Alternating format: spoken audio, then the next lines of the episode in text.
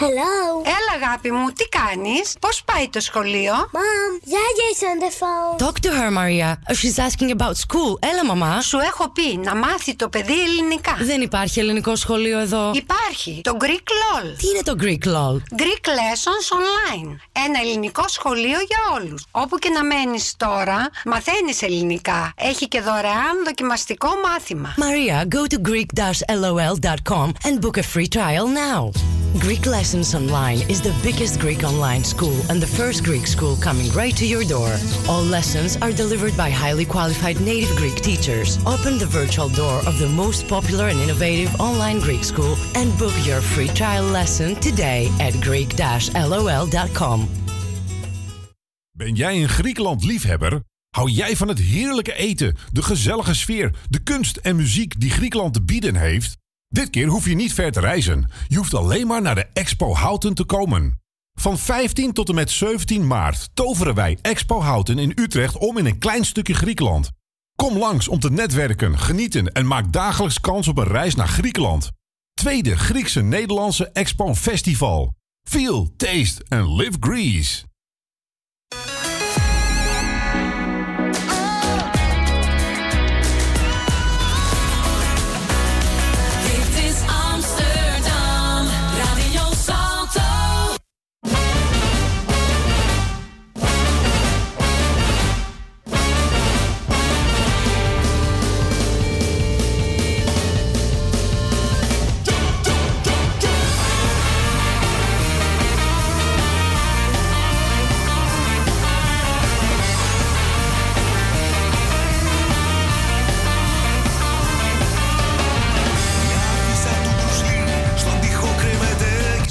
Καλησπέρα από το Άμστερνταμ. Ακόμα μια Πέμπτη είμαστε εδώ, πιστοί στο ραντεβού μας. Εσείς πάλι όπου και αν βρίσκεστε, ακούτε ασφαλώς Ελλάς Πίντακας. Τη μόνη ελληνική εκπομπή στα Ολλανδικά FM ζωντανά, όπως κάθε Πέμπτη 9 με 10 το βράδυ, τοπική Ολλανδική ώρα. Στο μικρόφωνο του Ράδιο Σάλτο, ο Νίκος Κουλούσιος.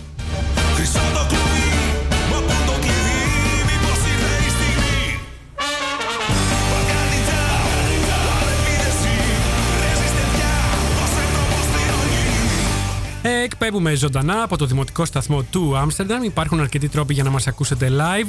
Αν αγαπάτε το συμβατικό ραδιόφωνο, αυτό με την κεραία και βρίσκεστε στο Άμστερνταμ, θα μας βρείτε στο ράδιο Σάλτο στο 106,8 των FM και καλωδιακά στο κανάλι 103,3, πάλι και μόνο στην περιοχή του Άμστερνταμ. Ενώ διαδικτυακά μας ακούτε παντού στον κόσμο από το helaspindakas.com, το site μας, με ένα κλικ στο κουμπί Listen Now.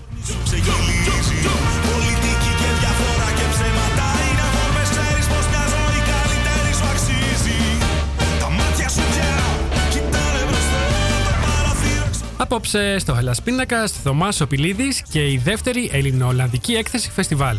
Συνεχίζεται λοιπόν το αφιέρωμα στη δεύτερη εξαγωγική έκθεση Ελλάδα Παντού που γίνεται στην Ουτρέχτη της Ολλανδίας από 15 έως 17 Μαρτίου. Θα ακούσουμε μία συνέντευξη που πήραμε από το διοργανωτή της έκθεσης φεστιβάλ, το Θωμά Οπιλίδη, και θα σας δώσουμε νεότερα για το διαγωνισμό μας για τα 10 τετραγωνικά μέτρα, το ίχνος εδάφους, που μπορείτε να διεκδικήσετε αν θέλετε να συμμετέχετε ως εκθέτης στη δεύτερη Ελληνοολλανδική έκθεση φεστιβάλ.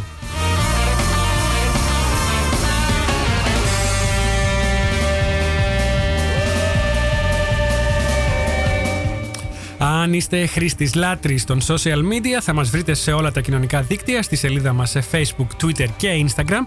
Ενώ για να επικοινωνήσετε μαζί μας ζωντανά, μπείτε τώρα στη σελίδα μας στο Facebook και ποστάρετε το σχόλιο σας ή τις ερωτήσεις σας σαν νέο post ή γράψτε μας μέσω Twitter χρησιμοποιώντας το hashtag Ελλάσπινακα και hashtag Greek-ExpoFest. Το κομμάτι που δίνει μουσικά την έναρξη της εκπομπής κάθε Πέμπτη, αυτό που ακούμε τώρα, ανήκει στους Μπαίλτισα, λέγεται Balkan Ninja και ευχαριστώ την μπάντα που μου το παραχώρησε για το Ελλάς Πίντακας.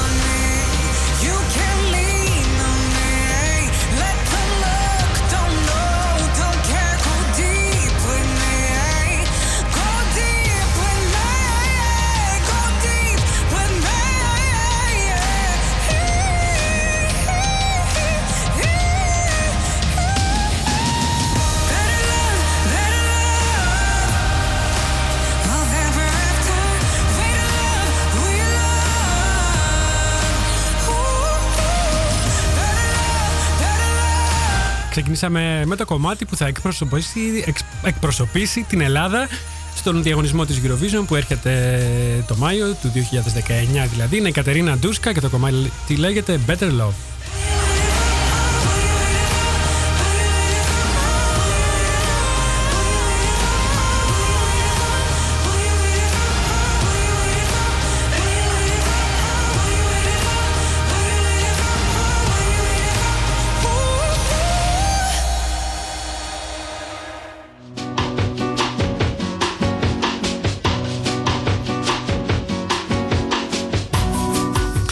Αλλάζουμε ύφος, ακούμε ωκεανό από την Κέτη Κουλιά. Είναι σε remix των Μικρο. Ε, θα ξεκινήσω από το Καναδά. I'm gonna start with Canada. As always, hi from Amsterdam to all our friends over at agapigreekradio.com and hi to all our Facebook friends too from all over the world. Την καλησπέρα μου στη Σοφία Πεπέτη, στην Ελένη Σταματοπούλου, στην Αλεξάνδρα Βεζιρέα, στο Βασίλη Τσαμασίρο, στη Φέιμα Ημαράκη, στην ανιψιά μου τη Μαριάννα που μας ακούει από το Βελιγράδι, στη Βίβιαν Χιονά, την ψυχολόγο μας από το Expat Nest, στον Αντώνη και τους Super Greeks, στην Τέτη και το Γιώργο, στον Παναγιώτη και τον Πασχάλη που ακούνε ο ένας από Ιρλανδία και ο άλλος από Ελλάδα και φυσικά την καλησπέρα μου στον ανεκτήμητο μου συνεργάτη, στο φίλο και στην οδηπόρο, τον Νίκο τον Δούλο.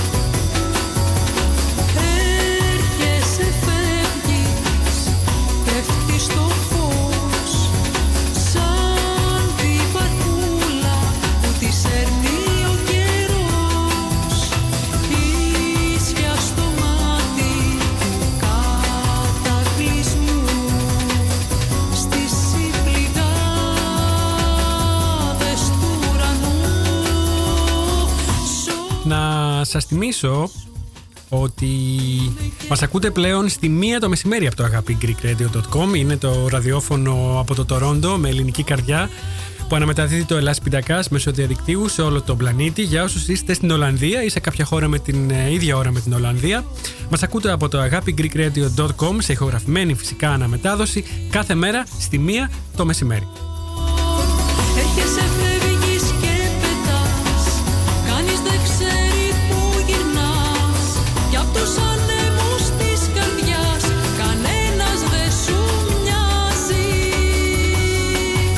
Όσοι χάνετε το ζωντανό Ελλάς Πίνακας κάθε πέμπτη βράδυ μπορείτε να ακούτε την αναμετάδοση και από το agapigreekradio.com κάθε μέρα στη μία το μεσημέρι.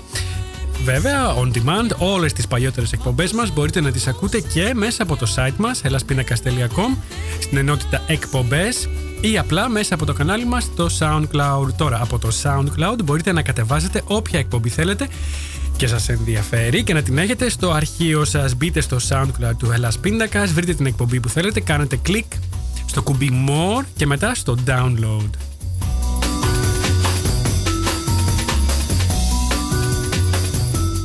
Ακολουθεί Πάνος Μουζουράκης, αυτή είναι η ζωή.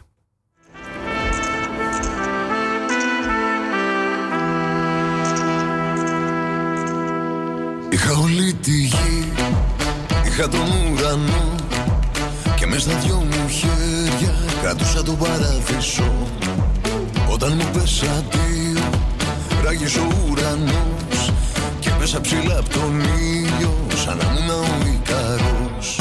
Μέσα σε ένα πλήθος κόσμου, βρέθηκα μονάχος Άγγελος με μαύρο πέπλο Μαύρο τριανταφύλλο Δεν ήξερα τι είναι η νύχτα Που πέφτει παραλιακή Εγώ δεν ήμουν αλήτης. Αλήτη με κάνεις εσύ. Α. Και τραγουδώ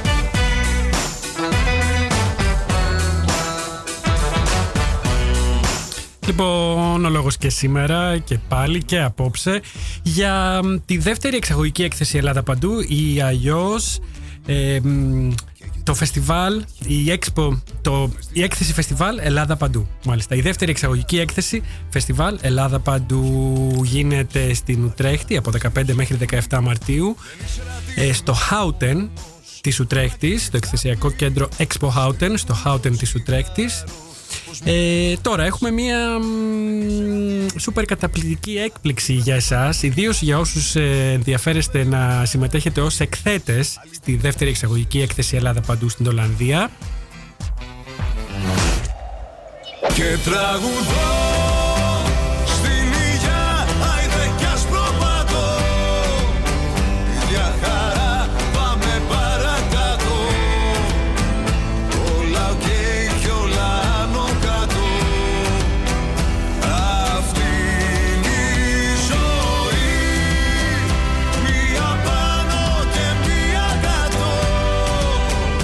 Λοιπόν, δίνουμε 10 τετραγωνικά μέτρα. Είναι αυτό που ονομάζουμε στην αργό των, των εκθέσεων ίχνος εδάφους. Ίχνος εδάφους 10 τετραγωνικών μέτρων λοιπόν, μαζί με ένα τραπέζι και δύο καρέκλες. Αν ενδιαφέρεστε, μπορείτε να διεκδικήσετε αυτό το ίχνος εδάφους για τη δεύτερη Έλληνο-Ολλανδική έκθεση φεστιβάλ και να φέρετε τα προϊόντα σας, τον εξοπλισμό σας και να τα στήσετε για να αρχίσετε να πουλάτε κιόλας. Τα 10 τετραγωνικά μέτρα αυτά είναι αξίας 990 ευρώ. Όποιος ενδιαφέρεται λοιπόν για τα 10 τετραγωνικά μέτρα ίχνος εδάφους αξίας 990 ευρώ για να συμμετέχει ως εκθέτης στη δεύτερη Ελληνολλα- Ελληνοολλανδική έκθεση φεστιβάλ, μπορεί να στείλει ένα email στο hellaspitakas.gmail.com με το όνομα, το επίθετο και το τηλέφωνο του.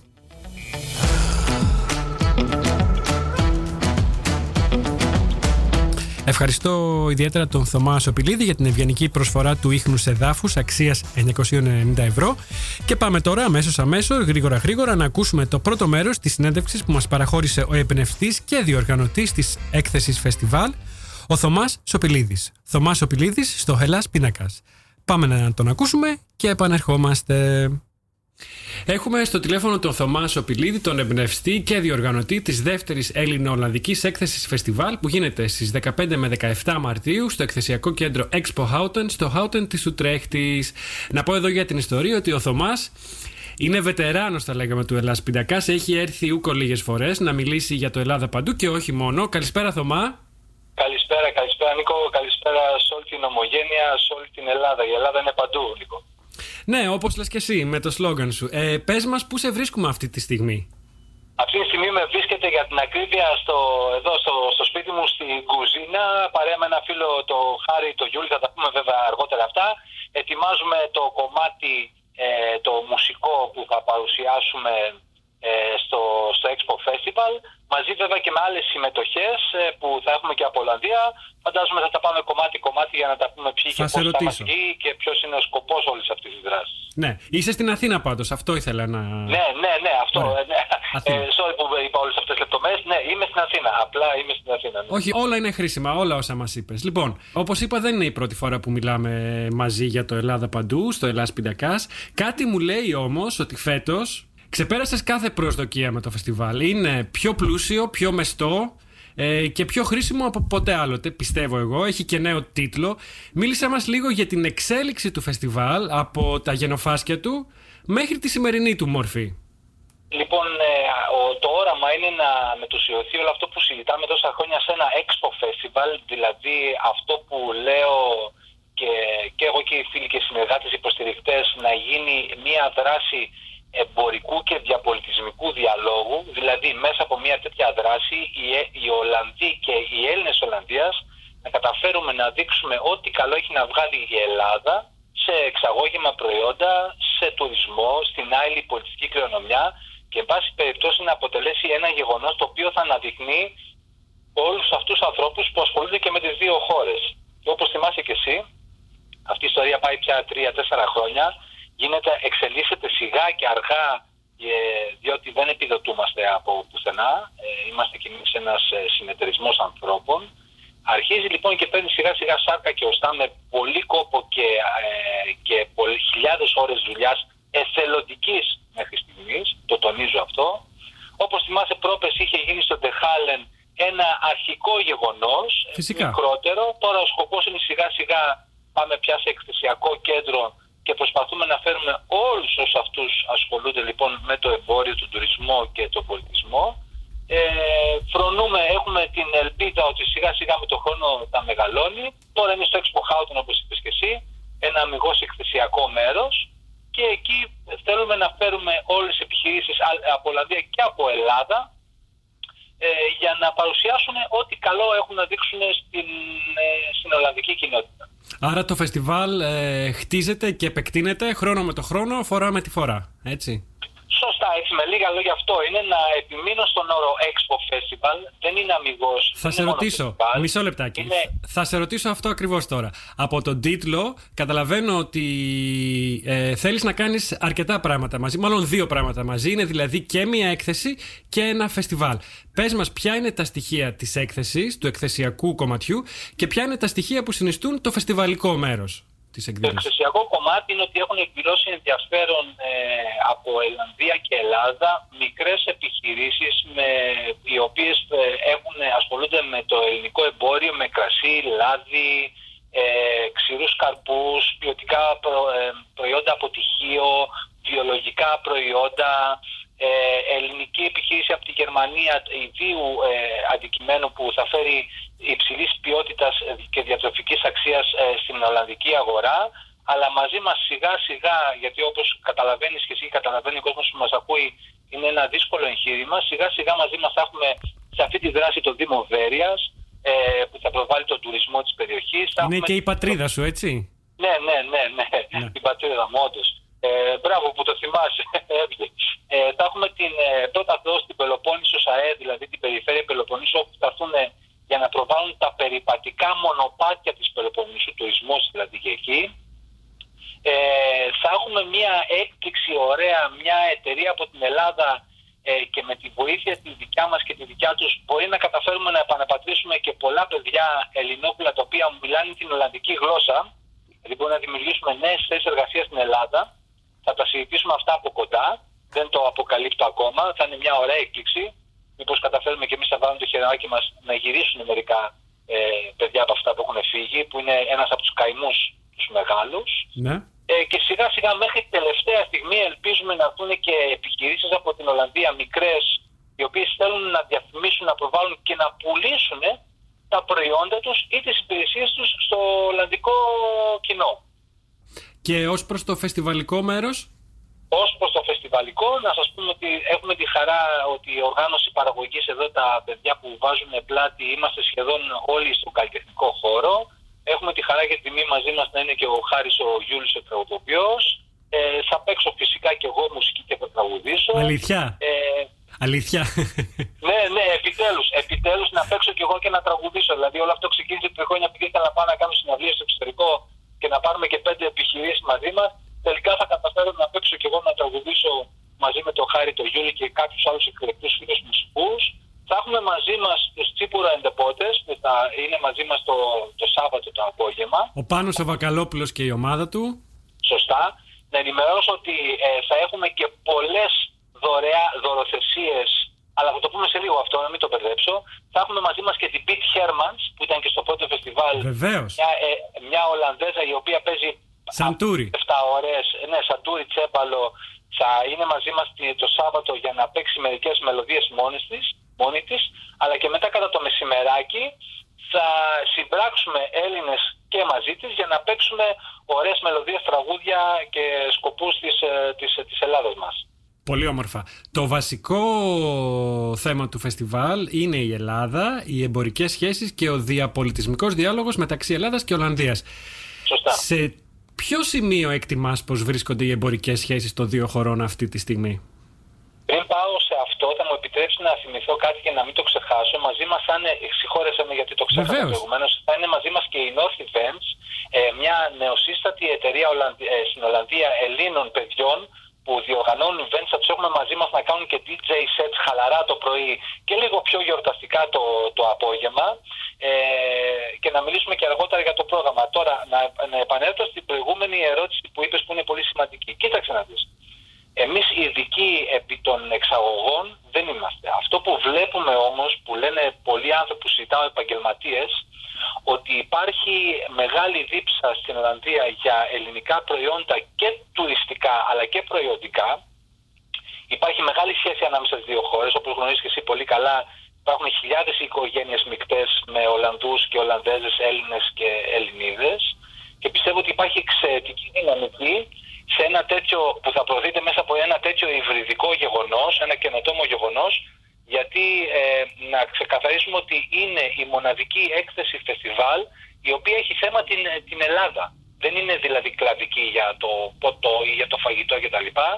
Και ο- σε όσους έχουμε μοιραστεί αυτή την ιδέα πιστεύουμε ότι μπορούμε να ανοίξουμε νέους εξαγωγικούς δρόμους από την Ελλάδα προς τα εκεί, αλλά και στη συνέχεια, γιατί μιλάμε για διάλογο, όχι για μονόλογο, πολλές επιχειρήσεις από Ολλανδία που έχουν ενδιαφέρον στην Ελλάδα να κάνουν μικροεπενδύσεις ή να αγοράσουν ε, κτηματομεσητικές, ε, ε, να πάρουν σπίτια ή να επενδύσουν σε νέες startup, πιστεύω ότι σε βάθος χρόνου μπορούμε να βοηθήσουμε σε αυτό, σε αυτό, προς αυτή την κατεύθυνση. Δηλαδή να δημιουργήσουμε νέες εμπορικές συμφωνίες, να αναδείξουμε την Ελλάδα, να αναδείξουμε τον πολιτισμό και να δεθούν αυτές οι δύο χώρες περισσότερο από ό,τι είναι ήδη δεμένες.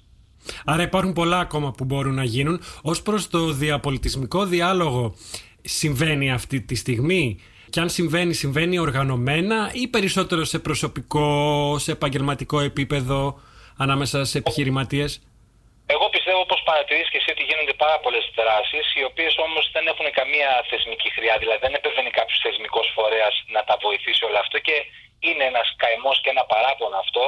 Εγώ νομίζω ότι διαπολιτισμικός διάλογος και αυτό που λέγεται, ακούγεται λίγο βαρύγδουπο, η πολιτιστική διπλωματία, επειδή δεν υπάρχει σε επίπεδο κρατών, ε, μιλάω για την Ελλάδα, όχι για άλλες χώρες, ε, ή ε, υπάρχει σε υψηλού επίπεδου εκθέσεις τύπου για το Παρθενώνα ή για κάτι που παίζει μόνο για, ε, για τη λυρική σκηνή ας πούμε πιστεύω ότι και μέσα από τη δράση μας σιγά σιγά χρόνο με το χρόνο επιμένω σε αυτό δεν θα γίνει από τη μία ημέρα στην άλλη μπορούμε να βοηθήσουμε ώστε να αναπτυχθούν οι διαπολιτισμικές σχέσεις και ενδεχομένως αύριο μεθαύριο και ε, να εμπλακούν και άλλοι φορείς θεσμικοί ή ιδιωτικοί για να καταφέρουμε να αναπτύξουμε και αυτή τη σχέση.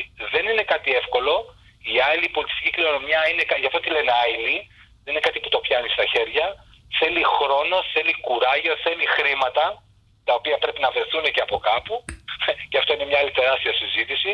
Αλλά, εν πάση περιπτώσει, εμείς ως Δον Κιχώτες, να το πω έτσι, έχοντας και ένα όραμα να ενώσουμε την Ελλάδα με, το, με όσες περισσότερες χώρες μπορούμε, ε, θα επιμείνουμε και ζητάμε και τον κόσμο να στηρίξει και τον επιχειρηματικό αλλά και τον, τους ιδιώτες, τον κόσμο, δηλαδή εμάς τον απλό λαό, να έρθουν να είναι εκεί μαζί μας, να στηρίξουν την προσπάθεια, να αναπτύξουν ε, όλη αυτή την δυναμική, γιατί να μην ξεχνάμε ότι και εμείς είμαστε μια κοινωνική συντηρητική επιχείρηση, δεν είμαστε κάποιος τεράστιος φορέας και χρειαζόμαστε τη συμπαράσταση και τη σύμπραξη όλων.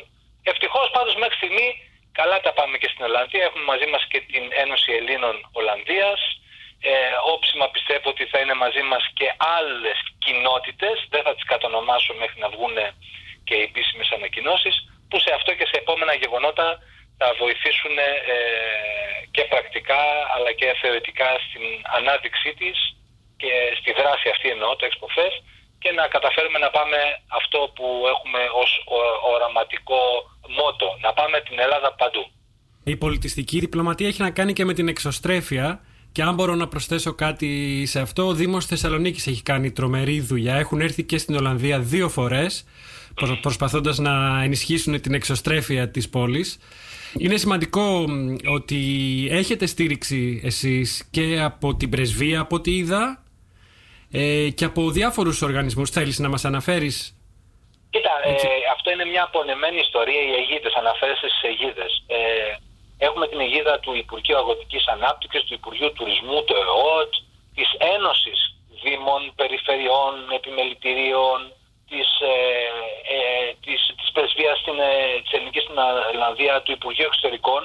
Όλα αυτά, όμως για να μπορεί να ακουστεί λίγο εχμηρό, αλλά είναι η πραγματικότητα, όλα αυτά δίνουν μια, μια υπογραφή.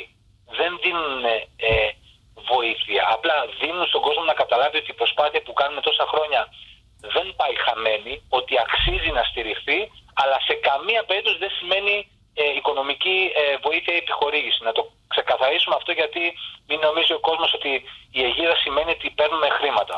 Ναι, η αλήθεια είναι ότι το ανέφερες και στην αρχή ότι δεν λαμβάνετε χρηματοδότηση και ήθελα να το κάνουμε λίγο πιο συγκεκριμένο και ξεκάθαρο.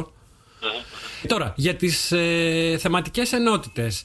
Είναι τρεις, από ό,τι καταλαβαίνω, προϊόντα, θεματικός και γενικός τουρισμός και διάφορες υπηρεσίες ανάλογες και πολιτισμός και δημιουργικές βιομηχανίες. Πώς ε, βγήκαν αυτές οι ενότητες, θέλω να πω, γιατί αυτές και όχι άλλες, έχει να κάνει με την επιχειρηματική πραγματικότητα ανάμεσα στις δύο χώρες; Αυτή είναι η πιο δραστήριη τομή της συνεργασίας των δύο χωρών; Σωστά, σωστά. Και σιγά σιγά με τον καιρό θα δούμε τι μπορεί να αναπτυχθεί. Τα εξαγώγημα προϊόντα σίγουρα ε, έχει ενδιαφέρον. Δηλαδή, να σου δώσω να καταλάβεις στην έκθεση θα υπάρχουν δίπλα-δίπλα ε, η Ένωση ε, ε, και Αστοπαραγωγών ε, ε, Βόρας ε, από την Μπέλα. Δίπλα θα είναι επιχείρηση ε, Έλληνα, ο οποίος έχει ζήσει χρόνια στην ε, Ολλανδία με άκαπνα τζάκια. Πιο δίπλα θα είναι μια άλλη, ε, ε, θα είναι άλλος που θα έχει ελληνικά κρασιά. Δηλαδή σίγουρα το εμπόριο και τα καλά προϊόντα έχουν βάση.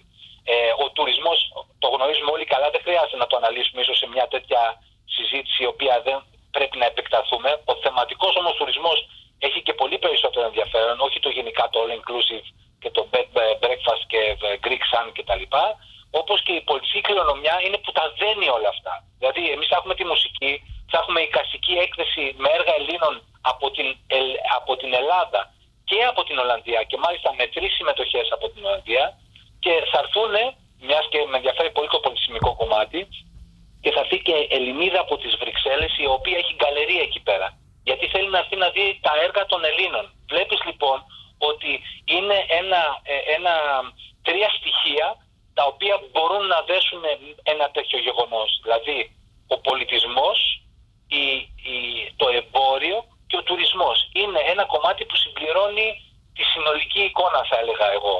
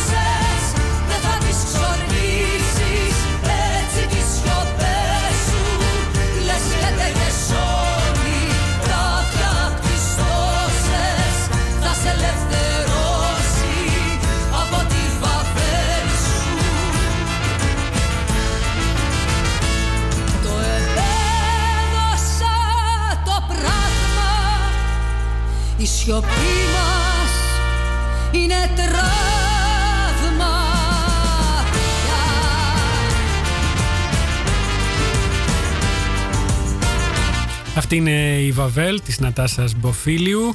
Την καλησπέρα μου να στείλω στη Ρούλα Μαβ, στο Δημήτρη Αραμπατζή και στο Λεόντιο Πετμεζά.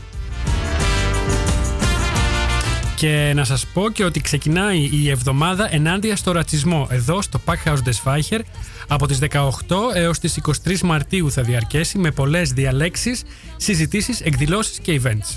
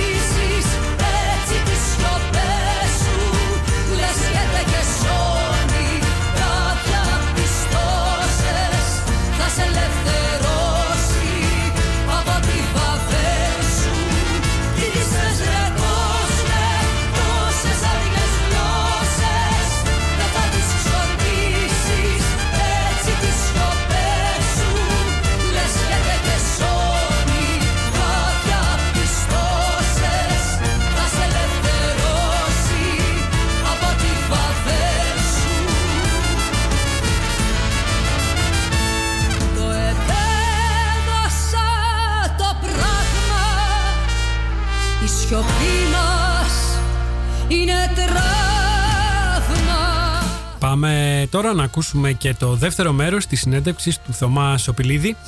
Σε αυτό το μέρος θα ακούσουμε και τον Χάρη Γιούλη, έναν μουσικό που θα ακούσετε και στο φεστιβάλ ε, ζωντανά. Έχει αναλάβει ένα μεγάλο μέρος του καλλιτεχνικού, του φεστιβαλικού κομματιού της έκθεσης φεστιβάλ. Πάμε να τους ακούσουμε και τους δύο και επανερχόμαστε.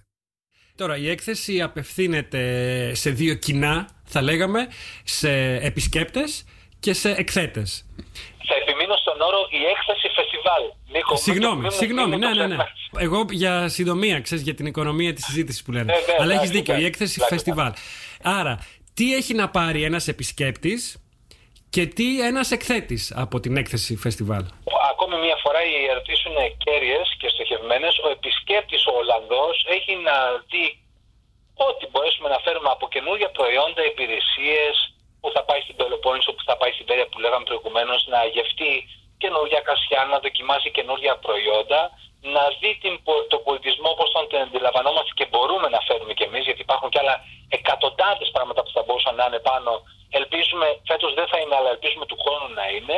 Μουσική, χορός που θα έρθουν και τα παιδιά από το Ρότερνταμ να παρουσιάσουν. Δηλαδή έχουν να πάρουν μια γενική μικρή εικόνα, δεν θα είναι τεράστιο, ε, να μην περιμένουμε θα είναι ένα τεράστιο γεγονό, αλλά θα είναι ένα μικρό διαμαντάκι. Δηλαδή, ε, χορός, μουσική, οι κλασικές τέχνες, συζήτηση, ε, ε, θα γνω- θα γνωριστούν μεταξύ τους όλοι οι άνθρωποι. Αυτό θα σας ότι το, τα δώρα που θα δώσουμε για να πάνε δωρεάν διακοπές ε, στην Ελλάδα με τις κληρώσεις.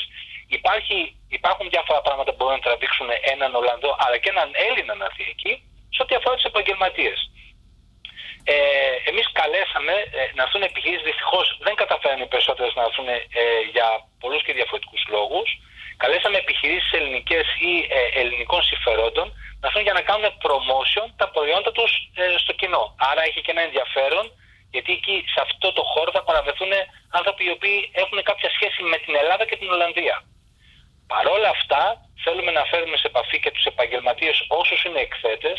Έχουμε επικυροποιημένες λίστες με την υποστήριξη του εμπορικού ακόλουθου της πρεσβείας να είναι καλά, μας έχει στηρίξει πάρα πολύ μέχρι αυτή τη στιγμή, όπου θα καλέσουμε εκατοντάδες επιχειρήσεις να έρθουν ως επισκέπτες για να δημιουργήσουμε συνοχή ε, και ενδιαφέρον ε, μεταξύ των επιχειρήσεων και των επισκεπτών είτε των ιδιωτών είτε των επαγγελματιών που θα έρθουν πάνω, ε, σε- στο, χω- πάνω. κατάλαβες γιατί το λέω, επειδή Ναι. είναι Αθήνα. Ναι, ναι. Έρθουν για να δούνε. Άρα είναι ένα ευρυδικό γεγονός το οποίο θα αποτελέσει στο μέλλον και τώρα ε, ίσως να μην έχει είναι καλό έτσι πως θα το πω, αλλά θα είναι σαν μια διεθνή έκθεση, ας το πούμε, Θεσσαλονίκης, πολυπίκυλη, η οποία όμως θα είναι το γεγονός αυτό που χρόνο με το χρόνο οι Ολλανδοί και οι Έλληνες της Ολλανδίας θα λένε πάμε να δούμε τι καλό έχει να μας φέρει φέτος η Ελλάδα. Σημείο αναφοράς. Δραματικό. Σημείο αναφοράς δηλαδή. Ναι, σιγά σιγά αυτός είναι ο σκοπός. Εντάξει, μπορεί να ε, οι δυνάμεις που έχουμε, σου λέω, να, να μην είναι πολύ μεγάλες, αλλά ο σκοπός είναι αυτός. Σιγά σιγά να είναι ένα γεγονός που δεν θα θέλει να χάσει κανένας αν έχει την οποιαδήποτε σχέση με την Ελλάδα. Να το κάνουμε λίγο πιο συγκεκριμένο για τους εκθέτες, γιατί μπορεί να μας ακούει και κόσμος που ενδιαφέρεται. Διαβάζω στο δελτίο τύπου, νομίζω, ότι οι εκθέτες θα έχουν τη δυνατότητα λιανικής πώλησης απευθείας στο Ολλανδικό κοινό, στους επισκέπτες της έκθεσης δηλαδή. Σε παρένθεση, γράφεις υπό κάποιες προποθέσει. Αν θέλεις να μας το κάνεις λίγο πιο συγκεκριμένο. Κατα, Καταρχάς, έστω, και σε αυτή- έστω και αυτή τη στιγμή που μιλάμε 20 μέρες, 25 μέρες πριν, όσες ελληνικές επιχειρήσεις θέλουν να έχουν ε, προϊόντα και υπηρεσίες προς πώληση και θέλουν να συμμετάσχουν, μπορούμε να τις στηρίξουμε και με κα, και κάποιες εκπτώσεις, αν θέλουν να έρθουν, μπορεί να έρθουν σε επικοινωνία μαζί μας. Φαντάζομαι στο τέλος θα δώσουμε τα στοιχεία. Ε, Α μας τα πεις καλύτερα τώρα, μιας και τα αναφέρουμε. Πώς μπορεί κάποιος να γίνει εκθέτης; Ε, καταρχάς, αν θέλει κάποιος να γίνει εκθέτης, ε, μπορεί να μπει στο www.gnef.nl ή να πατήσει στο Google δεύτερη ελληνολλανδική έκθεση και θα τον εμφανίσει, ε, θα τον εμφανίσει τα, τα αποτελέσματα εκεί ε, ε, επί τόπου. Ε, δεν ξέρω κατά πόσο θα ήταν εύκολο ή δυνατό να αφήσω το κινητό μου ε, στην εκπομπή και αν θέλει κάποιος να επικοινωνήσει. Πάντως μπορούμε να βοηθήσουμε και εμείς θέλουμε να βοηθηθούμε κιόλα από όποιες συμμετοχές. Οι επιχειρήσεις που είναι στην Ολλανδία δεν υπάρχουν ειδικές προποθέσει, μπορούν να αφήνουν και να πουλήσουν κατευθείαν. Η συνθήκη αυτή που διαβάζει στο δελτίο τύπου είναι για επιχειρήσεις που είναι από Ελλάδα. Μάλιστα. Ε, μέσω ενός Ολλανδού εισαγωγέα που θα μπορέσει να διεκπαιρεώσει το τυπικό μέρος. Άρα, καλούμε αυτή τη στιγμή όποια επιχείρηση, μικρή, μεσαία ή μεγάλη, θέλει να έρθει να κάνει promotion μέσα από ένα εκθετικό χώρο ή από ίχνος εδάφους, δηλαδή να μην έχει περίπτερο και έχει προϊόντα ή υπηρεσίες προς πώληση ή προς προώθηση, τους καλούμε να τους στηρίξουμε και να μας στηρίξουν με τη συμμετοχή τους και όπως λέμε και χαρακτηριστικά στην Ελλάδα με τις τιμές των εκθεσιακών περιπτώσεων να μην ανησυχούν, θα τα βρούμε γιατί τους θέλουμε όλους να είναι εκεί, να είμαστε όλοι εκεί. Να αποκαλύψουμε ποιο είναι το αντίτιμο μιας εκθετικής θέσης, άσχετα αν μπορείς εσύ να διαπραγματευτείς κάτι καλύτερο για έναν εκθέτη. Ωραία, θα, θα, το- θα το αναφέρω. Το, το μικρότερο αντίτιμο που υπάρχει αυτή τη στιγμή, το οποίο για εκθέσεις, για έκθεση φεστιβάλ και για έκθεση, όπως θες πες το, είναι εξαιρετικά μικρό, ειδικά για κάτι που γίνεται από την Ελλάδα στην Ολλανδία. Είναι 990 ευρώ για τρεις μέρες ε, ε, έξι τετραγωνικά μέτρα ε, σε περίπτερο κανονικό, αλλά όπως είπα και προηγουμένως, επειδή ξέρω ότι οι επιχειρήσεις σχεδιάζουν αρκετό καιρό πριν τις συμμετοχές τους σε εκθέσεις και τέτοια γεγονότα και μπορεί έστω και αυτό να τους φανεί πολύ, είμαστε στη διάθεσή τους, ειδικά με τις νέες επιχειρήσεις που το έχουμε κάνει ήδη αυτό, απλά δεν θέλω να το αναφέρω τώρα στον αέρα, να τις στηρίξουμε με, με έκπτωση ε, ώστε να μπορέσουν να έρθουν εκεί μαζί μας. Και το εισιτήριο για τους επισκέπτες; Είναι πολύ μικρό, είναι συμβολικό, Συμβολικό. είναι 5 ευρώ, οπότε δεν είναι κάτι που θα πρέπει να αποσχολήσει κάποιον. Ωραία. Ε, Σε αυτό το σημείο, εγώ θα ήθελα να σε ευχαριστήσω και για τις ε, διπλές προσκλήσεις επισκεπτών που δίνουμε σε κάθε εκπομπή, αλλά και για την ε, μεγάλη προσφορά, τα 990 ευρώ, που παραχώρησε στο Ελλάς Πιντακάς για να την κληρώσουμε σε κάποιο τυχερό ή σε κάποια τυχερή από τους ακροατές μας που θα ακούσει την εκπομπή ε, αυτή τη- και τη συνέντευξη που κάνουμε τώρα. Σε ευχαριστώ πάρα πολύ για την ευγενική. Εμείς, εμείς σας ευχαριστούμε. Θα, δω- θα είναι μεγάλη χαρά μας να καταφέρουμε να φιλοξενήσουμε μια επιχείρηση όποια και να είναι αυτή. Μεγάλη μας χαρά θα είναι βέβαια να είναι και νεοσύστατη επιχείρηση. Ε, ε, είμαστε στη διάθεσή σας ε, με όποιο, όποτε, όταν θα γίνει η κλήρωση να επικοινωνήσουμε με τους ανθρώπους και όσους ε, θέλουν να συμμετάσχουν και δεν θα είναι τυχεροί να κερδίσουν το εκθεσιακό χώρο ε, το, το, το, τα 10 μέτρα ίχνους εδάφους ε, για να συμμετάσχουν, για να βάλουν την πραγμάτια τους, να τους κάνουμε όπως είπα και προηγουμένως μια καλύτερη τιμή για να μπορέσουν να είναι εκεί μαζί μας. Δεν θα αφήσουμε κανέναν, αρκεί να υπάρχει ενδιαφέρον. Ωραία. Τώρα ήθελα να σε ρωτήσω, σε σχέση με το προηγούμενο φεστιβάλ, ε, βέβαια είχες κάνει νομίζω και ακόμη ένα. Σε σχέση με τα προηγούμενα φεστιβάλ, τι περιμένεις από αυτό που έρχεται τώρα το Μάρτιο. Ας ξεκινήσουμε από τον κόσμο. Πόσοι ήρθαν ως επισκέπτες στο προηγούμενο φεστιβάλ; Το προηγούμενο, αν, αν θυμάσαι και εσύ, ήταν, ήταν ανοιχτό πέρασμα, ήταν στο Ντεχάλεν στο Άμστερνταμ. Α, δεν υπήρχε εισιτήριο; Δεν υπήρχε εισιτήριο, όχι ότι περάσαν διερχόμενοι γύρω στους 7.500 κόσμος, αλλά Ωραία. δεν ήταν αφιερωμένοι στο δικό μας. Πέρασε αρκετός κόσμος. Τώρα Κατάλαβα. πια είναι ένα συγκεκριμένο γεγονός, στο οποίο θα είμαστε ευτυχισμένοι αν καταφέρουμε να φέρουμε 1000 με 1500 άτομα τη- στη διάρκεια της ημέρας να περάσουν από εκεί. Έχουμε κάνει διαφήμιση, είστε και εσείς χορηγοί, εσείς, εσείς χορηγοί επικοινωνίας. Βεβαίως. Διάφοροι, άλλοι, διάφοροι άλλες εταιρείες στην, στην Ολλανδία έχουμε, κάνουμε και διαδικτυακή καμπάνια και με τα ελληνικά εστιατόρια κάνουμε εν πάση περιπτώσει ό,τι μπορούμε για να καταφέρουμε όσο το δυνατόν να φερμένουμε περισσότερο κόσμο και ειδικότερα Ολλανδούς. Ο στόχος είναι να έρθουν Ολλανδοί επισκέπτες να αγωνίσουν στην Ελλάδα που σημαίνει ότι όσοι Έλληνες θέλουν να φέρουν και τους φίλους Ολλανδούς και να γνωριστούμε όλοι εκεί πέρα μαζί και να στηρίξουμε αυτή την προσπάθεια την ουσιαστικά μη κερδοσκοπική, γιατί θέλουμε να δημιουργήσουμε θέσεις εργασίας από αυτό και όχι να γίνουμε πλούσιοι. Τους καλούμε λοιπόν όλους να είναι εκεί και να τη στηρίξουν.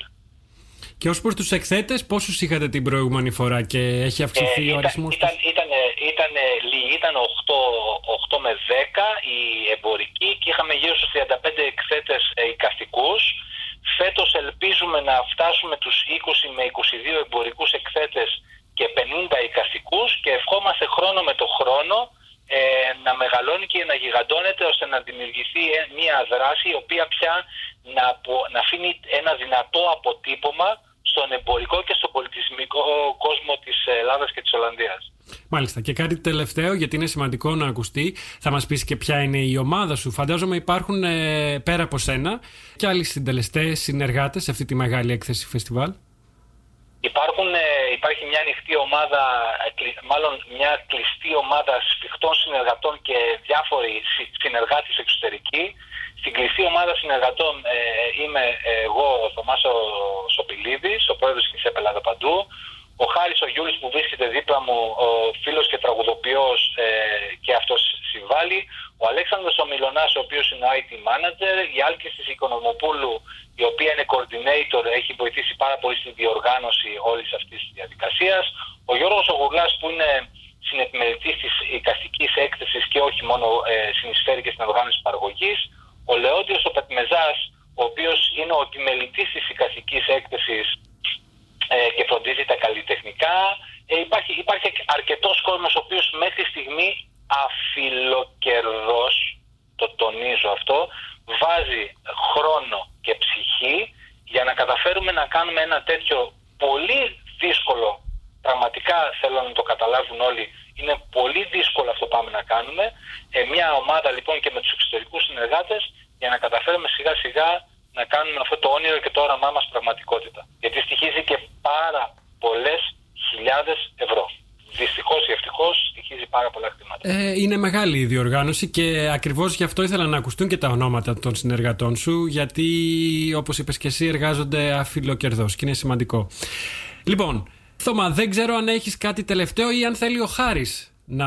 Ω- ωραία θα ήταν να δώσει και ένα χαιρετισμό ο Χάρης και ως μέλος ε, ε, εθελοντικό αλλά και ως με την καλλιτεχνική του ιδιότητα του τραγουδοποιού που θα είμαστε και πάνω και θα παίξουμε ε, σε τουλάχιστον ε, 6-7 διαφορετικά προγράμματα αφιερώματα στο Τζιτσάνι, στον ελληνικό κινηματογράφο. Ε, έχουμε δηλαδή διάφορα δρόμενα. Αυτά τώρα κάναμε πάλι έτσι λίγο πρόβα. Ε, να σας πει και αυτός μια καλησπέρα. Εγώ να σας χαιρετήσω. Να προσκαλέσω λοιπόν όλους τους Έλληνες και με τους Ολλανδούς φίλους και τις Ολλανδέζες να έρθουν εκεί για να στηρίξουν τη δράση. Σας χαιρετώ, είμαστε κοντά σας, ευ- ευχόμαστε να είστε και εσείς κοντά μας και σας δίνω τον αγαπητό τον Χάρη τον Γιούλη. Ωραία, εγώ σε ευχαριστώ Θωμά. Αν μπορώ να ρωτήσω κάτι τον Χάρη... Ναι, ναι, τώρα το, Α. σας τον δίνω για να το ρωτήσετε, Βεβαίως. να το ρωτήσετε επί το, ε, εσύ ο ίδιος. Λοιπόν, σε χαιρετώ εγώ. Γεια χαρά, γεια σου Θωμά. Καλησπέρα και από μένα. Γεια σου Χάρη. Μία σύντομη ερώτηση.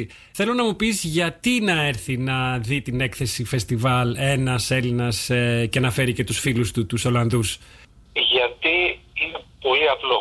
Θα νιώσει πολύ πιο κοντά την Ελλάδα.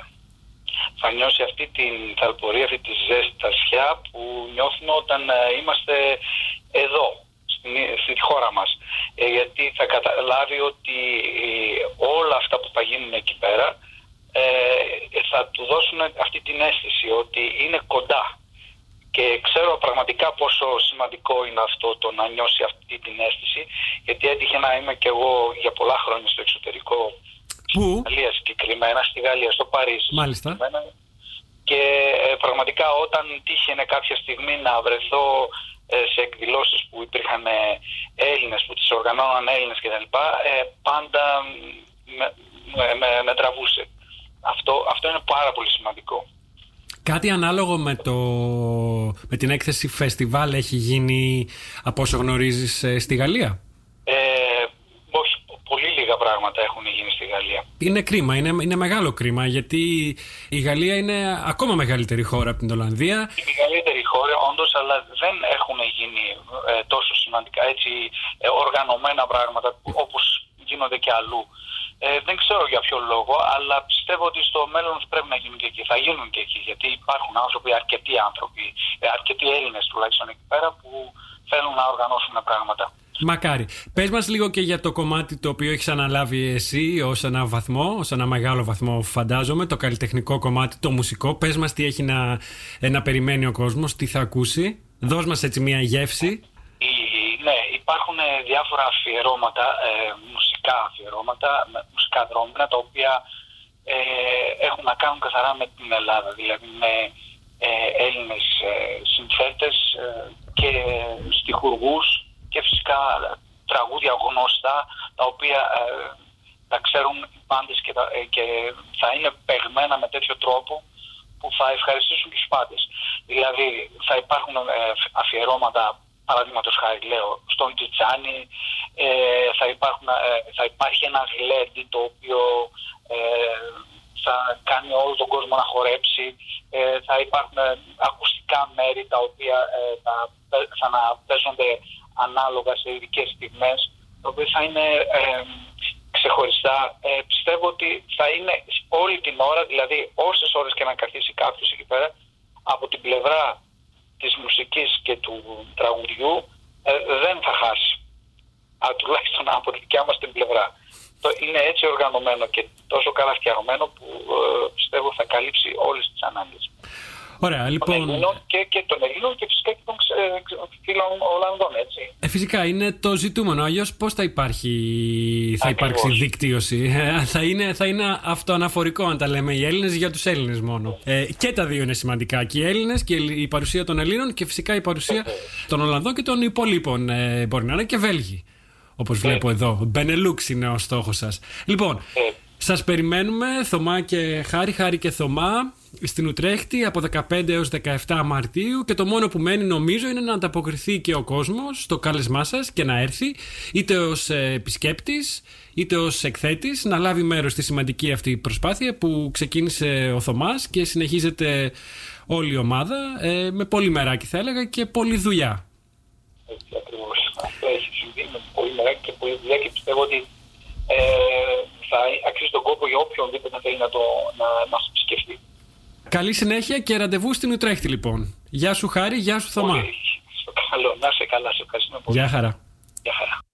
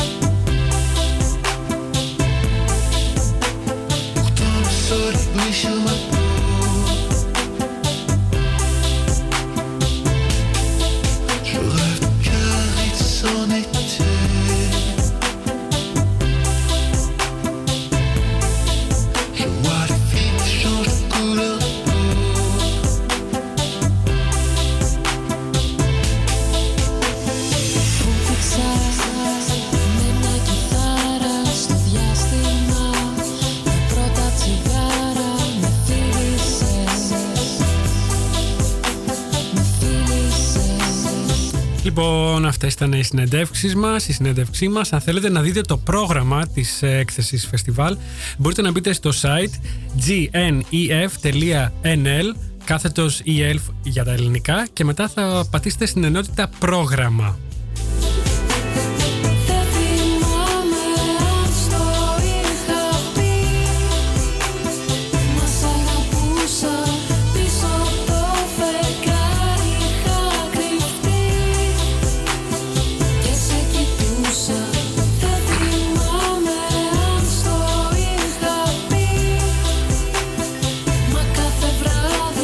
Φτάσαμε στο τέλος. Ευχαριστώ τον Θωμάς Σοπηλίδη και τον Χάρη Γιούλη για την συνέντευξη που μας παραχώρησαν και για την προσφορά του ίχνου εδάφου. Όποιος ενδιαφέρεται για τα 10 τετραγωνικά μέτρα αξίας 990 ευρώ για να συμμετέχει ως εκθέτης στη δεύτερη Ελληνο-Ολλανδική έκθεση φεστιβάλ, μπορεί να στείλει ένα email στο ελάσπίδακα.gmail.com με το όνομα, το επίθετο και το τηλέφωνό του. Όποιος στείλει πρώτος θα πάρει το μεγάλο δώρο και θα μπορεί να εκθέσει τα προϊόντα του από αύριο δωρεάν στην δεύτερη Ελληνολλανδική έκθεση φεστιβάλ που θα λάβει χώρα στο εκθεσιακό κέντρο Expo Houten στο Houten της Ουτρέχτης από αύριο όπως είπαμε και μέχρι τις 17 Μαρτίου. Εμείς κάπου εδώ σας λέμε Χούια Nacht και ανανεώνουμε το ραντεβού μας για την επόμενη Πέμπτη πάντα στις 9 το βράδυ. Τοπική ώρα από το ράδιο Salto μας ακούτε και σε αναμετάδοση κάθε μέρα στη 1 το μεσημέρι από το agapigreekradio.com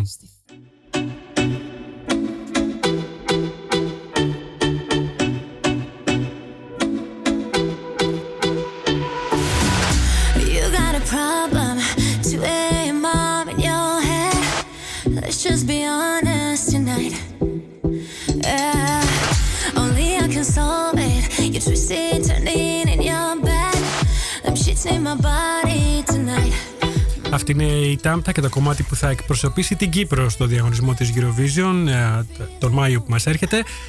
Ε, ακολουθεί η εκπομπή Finger Popping Soul εδώ στο Radio Salto, η μακροβιότερη ραδιοφωνική εκπομπή στο Δημοτικό Ραδιόφωνο του Άμστερνταμ. Μέχρι την επόμενη Πέμπτη να είστε καλά και να περνάτε ακόμα καλύτερα. Καλό Παρασκευό Σαββατοκύριακο σε όλους. Το Folgende Care to do.